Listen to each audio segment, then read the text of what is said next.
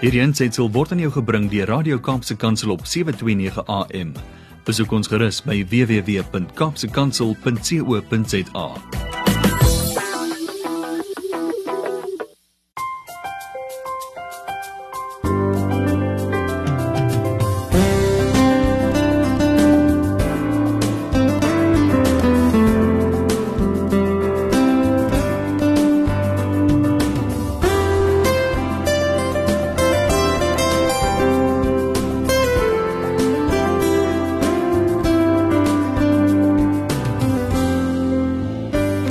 Goeiedag luisteraars, dis weer ek Malwena Meisen met Kopskyf en my tweede gas wat ek vandag mee kuier is David Miller. Hy is die CEO, dit is die hoofuitvoerende beampte by Naptosa in die Wes-Kaap. Ek was bevoorreg geweest om met hom vir 'n periode, dis jare gelede saam te werk en um, Ek het nooit gedink ons paie sal weer kruis nie. Hy het my so beïndruk. Dit is een van die mees interessantste mense luisteraars wat jy kan kry. 'n Baie flamboyante man, uh vreeslik intelligent en uitgesproke. Uh goeiedag David. Goeie goeiemiddag Melvina, gaan dit goed? Nee, geen klagtes nie jou kant? Nee, baie goed, dankie. Ek net bietjie bekommerd moet ek nou in Afrikaans praat. Nee, jy jy mag in Engels praat. Ek wil maar net Ek droom, ek droom in Engels. So gaan moeilik wees. Nee, nee, ek wil maar net 'n bietjie vir jou laat sweet. Ons kan nou oh, gaan na die na die rooi taal toe dan kan ek maar sweet. Oh, lekker uitgevang daar. yes. Um David, it is it is actually a pleasure to have you on the radio with me today. Listeners. Oh this, man. Yeah, this man he was uh, the district director in in education up till recently and he went back to uh, Naptosa as the CEO. And I am telling you, I always used to tell him he should be our next Minister of Education because he is extremely hardworking. His heart is on the right place and he really cares for all our people oh. in the country. So uh, I'm, I'm still waiting on that, David. oh, well, thank you, Marvin, for those kind words. Yeah. We will start immediately. Yes. Listeners, um, we are, this is our Kopskyf education program that we normally have on a Wednesday and on a Saturday, but we have a special edition today, and I'm privileged to be um, chatting or talking to David Miller today. And the reason, one of the reasons why I have him on today is because ethical leadership is very important for for the ATKV ATKV Kopskyf. Ja. ja. That is what we stand for in mm. our program and our project mm. that we do in schools. And mm. this man David Miller, I got to know as an ethical leader that installs confidence in people in schools, in the principals in edu- and educators, and that is a credible person. Now, I immediately want to start by asking you, David, what is the overall aim and the purpose of your organization, NAPTOSA? Thanks, Vina. Well, first of all, um, we're a trade union, um, but we're far more than a trade union because we're member centered. Um, it's an organization of professionals in the education sector and we have a variety of broad aims. It's a professional trade union, and uh, our main purpose is to provide a member centered, efficient, and professional service to our 51,000 members countrywide. And as you know, 10,200 um, in the Western Cape. Mm. And it's a voluntary association of members, it's not for gain. Mm. It aims to promote, protect, and maintain the rights, status, and interests of our members in the education sector. And very importantly, we might be a trade union, but we've got to advance quality education in South Africa. Mm. And to do that, we've got to make sure we have a well developed professional development program as well that works in parallel with all the other collective bargaining issues and policy issues and task teams that we serve on. Mm. So we embark upon collective bargaining. We protect signed agreements as examples. A labour peace is incredibly important to us. Mm. We protect our members from unfair dismissals. We represent them when misconduct charges have been brought against them. Mm. And, you know, some might say we're a professional insurance policy in many respects. So, in a nutshell, Malvina, our purpose mm. is hmm. to be a leading, strong, unified advocating body for education sector workers because my view is if we have happy teachers, we have happy children, Mm. and when we have happy children and happy teachers, school is a very happy place to go to. Yeah. I completely agree with you. Happiness starts with yourself. Absolutely. Yeah, yeah. So we need to make our our, our educators happy. If they're happy, they will make the learners will be able to make the learners happy too. Now, in view, it actually to a certain extent answered my following or the next question. Yeah. I uh, to briefly just explain to me a few of the services that you can render to schools and school communities. Yeah. Um, look, we, we provide a very effective communication service to, to members, something I'm passionate about and something that um, I'm, I've improved on. I've signed a service level agreement to improve on that because many of many of the circulars and the policies that come from national to provincial end up at the principal's desk. Yeah. But we've got to make sure that that ends up in the teacher's hands Mm. because they're the ones working in the classroom and um, obviously the education sector workers. So that's important. And then we offer a cutting edge professional development program, which is very exciting. And once again, I'm going to be embarking on far more webinars and online professional development, not mm. because we're in a COVID 19 climate, it's just because teachers prefer the kind of asynchronous professional development. So that's a service we mm. offer. Mm. We employ professional staff as well to deal with members' queries and labour matters. Uh, we have a wide range of structures. You've served on the structures with me. Yeah. That's where I met you. Um, and then we have a dedicated desk at national level as well to deal with LSEN, uh, learners with special educational needs, and the TVET college sector, which we must not forget about because we've got mm, a lot of members who do serve in the TVET college sector. And then we provide training for our site reps at schools. And uh, in many cases, we, we assist governing bodies um, in terms of recruitment and selection processes, and we serve as observers when, when posts are filled. Mm. So sometimes we need to advise on those processes. We are about entering to deal with Thorpe Motor Group. I'm very excited. That was terminated, not terminated, suspended just before lockdown. Remember that I only started 1st of April, so Yeah. I got that to pick up. And a recent service which, which is, is exciting is we've got NapChat, Malvina. NapChat is a problem and answer kind of WhatsApp line, Hmm. 060-554-9477, Yeah. that any member of NAPTOSA can WhatsApp Yeah. and they get an instant response. And that's to improve the communication between the union and, and the membership. Mm, wonderful, wonderful. That is being proactive, creative, and thinking out of the box. Uh, now, this is also, you already gave me an answer now to my next question. What sets you apart from any other union? This is now one of the things that I can say that sets you apart. What gives you the competitive advantage, your union? I think it would be pretty um, arrogant of me to, to even think that we set ourselves apart. Look, it's, it's an interesting question in itself Yeah, because we've got really good relationships with the other two unions in our province.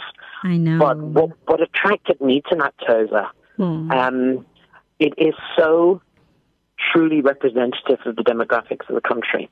Hmm. And this, this is a proud uniqueness for me. And our strength as a union lies in the diversity of our membership. You know, there was always this perception that we're a white union. Um, Yeah.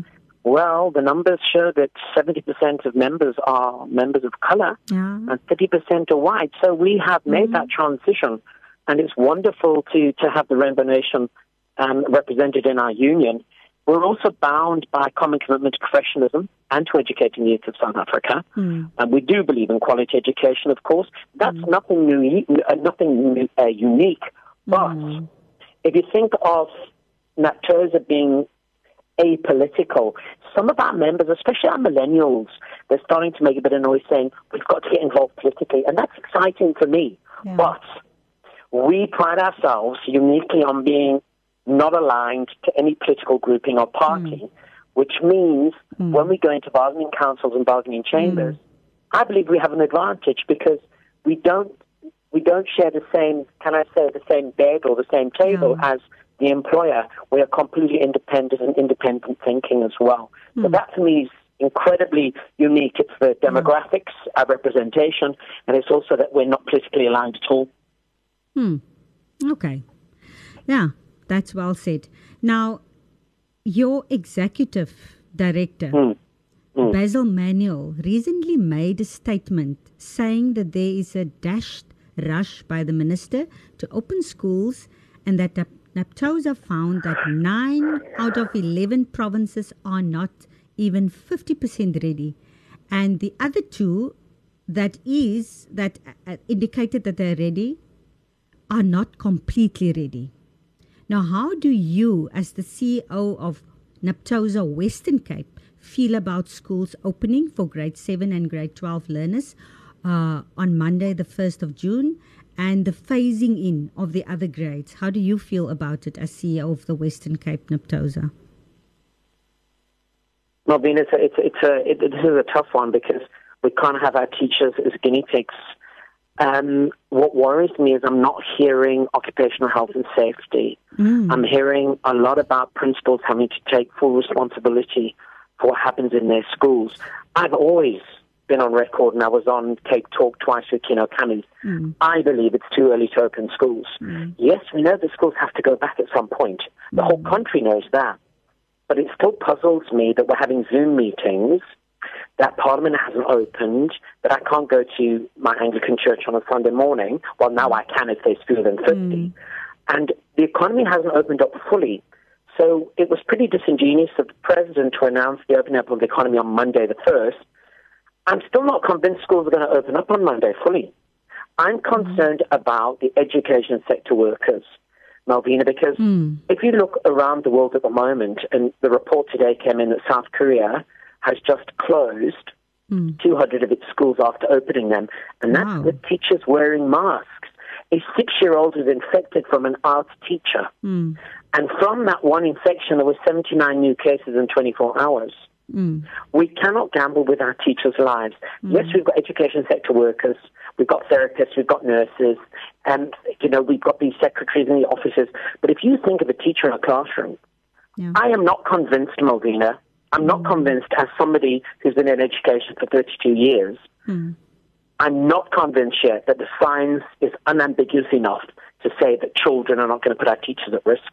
Mm. I know our teachers are going to put each other at risk, but we're going to be putting, listen to this, 13 million children into mm. a hmm. system in the next six weeks and 450,000 teachers. So the view is schools will open. Schools must open at some stage. Mm. But in this province, and you specifically spoke about Western Cape, if you look at the triage centre that's just been set up at the Cape Town International Convention Centre, with the Premier saying, stay at home, stay safe, that marking from a city. Mm. We're saying in one breath mm. that we don't know enough about the virus, and then we're saying in the other breath, the science tells us that children will not get it and children won't infect. So there's a huge contradiction. And as Einstein said, if you can't explain it simply enough, you mm. don't understand it. Ons verstaan nie wat kom nie. And I'm not going to stand along the road and watch the hearses of our teachers pass by. Then we're going to have to take some kind of radical decision to say this mm. is not good enough. Mm. We are not taking health and safety of our staff seriously enough. Yeah. It's been put in the hands of the principals. They're on nervous wrecks Mm-hmm. Even the schools that have got their own money to do their own fumigation and sanitizing. Malvina, mm-hmm. hulle bel my amper elke dag. Mm. Hulle is baie bekommerd. Mm. It's too early mm. to open schools. Mm. We're not 100% ready. And we're one system. South African education system is one system. You can't have it opening for the Western Cape on Monday and for the Northern Cape on the 8th of June. A school calendar is a school calendar. It must apply across the country. I'm, I'm very passionate about this point. Mm-hmm. We cannot put our teachers in the face of danger. Opening schools on the 1st of June, not being ready, yeah. we are not taking their safety and their health seriously enough. Mm. Listeners, there you hear the CEO of uh, Western Cape. That's his clear point and view on schools opening on Monday. Uh, it's so important, listeners and our donors, that a healthy culture must be established in our education system and our education leadership. It's time that we start listening to people like David Miller or Rihan or any other of these very competent visionary thinkers and include them when they make these big decisions affecting our whole South Africa and our local school communities. Like the hashtag says of uh, Radio Cape Pulpit, hashtag in this together. Hitsmerk ons staan saam. ATKV Kopskyf sê, hitsmerk wees die verskil. Hashtag be the difference. Now David, we are running out of time. I can That's speak fine. to you for long, but we will definitely have to to have an hour uh, interview in June. If that is in order with you, and if you have time on, on your schedule to have uh, in-depth discussion on what you can put to the table uh, for our Thank you. education system, I want you to give a few encouraging words to end off with to school communities from Naptosa and also, what would you say if you were in one room with the Minister of Education? What would you say to her to end it off with? Thank you. Um, Malvina, Theodore Roosevelt spoke in 1910 at the Sorbonne in France. And he spoke, and the speech became known as the Man in the Arena speech. Mm. And it speaks about it's not the critic who counts, it's not the man or woman who points out how the strong man or woman stumbled, or whether the doer of deeds could have done it better. Mm. The credit belongs to the person actually in the arena, mm. our teachers, our education sector workers, whose faces are marred with blood and sweat and dust, and who at the best in the end knows the triumph of high achievement, and who at most, if he or she fails, fails daring greatly. I want to say to the staff of school, school-based staff in TVET colleges out there, hmm. this is a time where you're going to be vulnerable. You've got to show your vulnerability. Because Malvina spoke about ethical leadership at the start of the show. The Oracle of Delphi says, know thyself, hmm. ken yourself. And I would extend that to say, be, be thyself, yes yourself. Hmm. And the message to the minister is, if we want ethical leadership, we've got to be authentic because hmm. authenticity is a precondition for ethical leadership. I don't believe there's anything ethical in opening up schools in the current climate with COVID 19 lurking and South Africa not even having reached its peak. She's rushing this. Minister, I'm in a room with you alone. Make the right hmm. call. Do not open schools on Monday. Hmm. And it's all ek kan sê, Baie baie baie dankie da, da, David vir hierdie insiggewende en baie broodnodige woorde. Luisteraars, um, as jy nog geluister het na na David en ook na die vorige spreker Rian. Um ek glo jy stem saam dat dit is die kaliber mense wie se stemme ons daar buite wil hoor en wat ons moet omsingel. En hierdie program Kopskyf gee die platform vir hierdie tipe mense om gehoor te word. En Radio Kaapse Kansel maak dit moontlik dat ons dit daar buite uitbring na ons luisteraars, want dit is 'n platform waar ons kan help om ons mense ingeligte Suid-Afrikaanse burgers te maak. Dit is so belangrik dat ons we need to flood our minds with knowledge. And how can you flood your mind with knowledge? By reading and listening to ethical leaders and people that make differences in our school communities like a David or like a Rihan. So diegene wat in besighede is, kom laat ons hande vat. Let us form alignments. Let us put our strengths together. Let us give where we can to make this thing work in our country and to take education forward. Baie dankie David en uh, alle voorspoed en sterkte vir jou met jou baie groot rol en taak wat jy in die Wes-Kaap en ook in ons land uh, speel. Ons waardeer jou en wees veilig.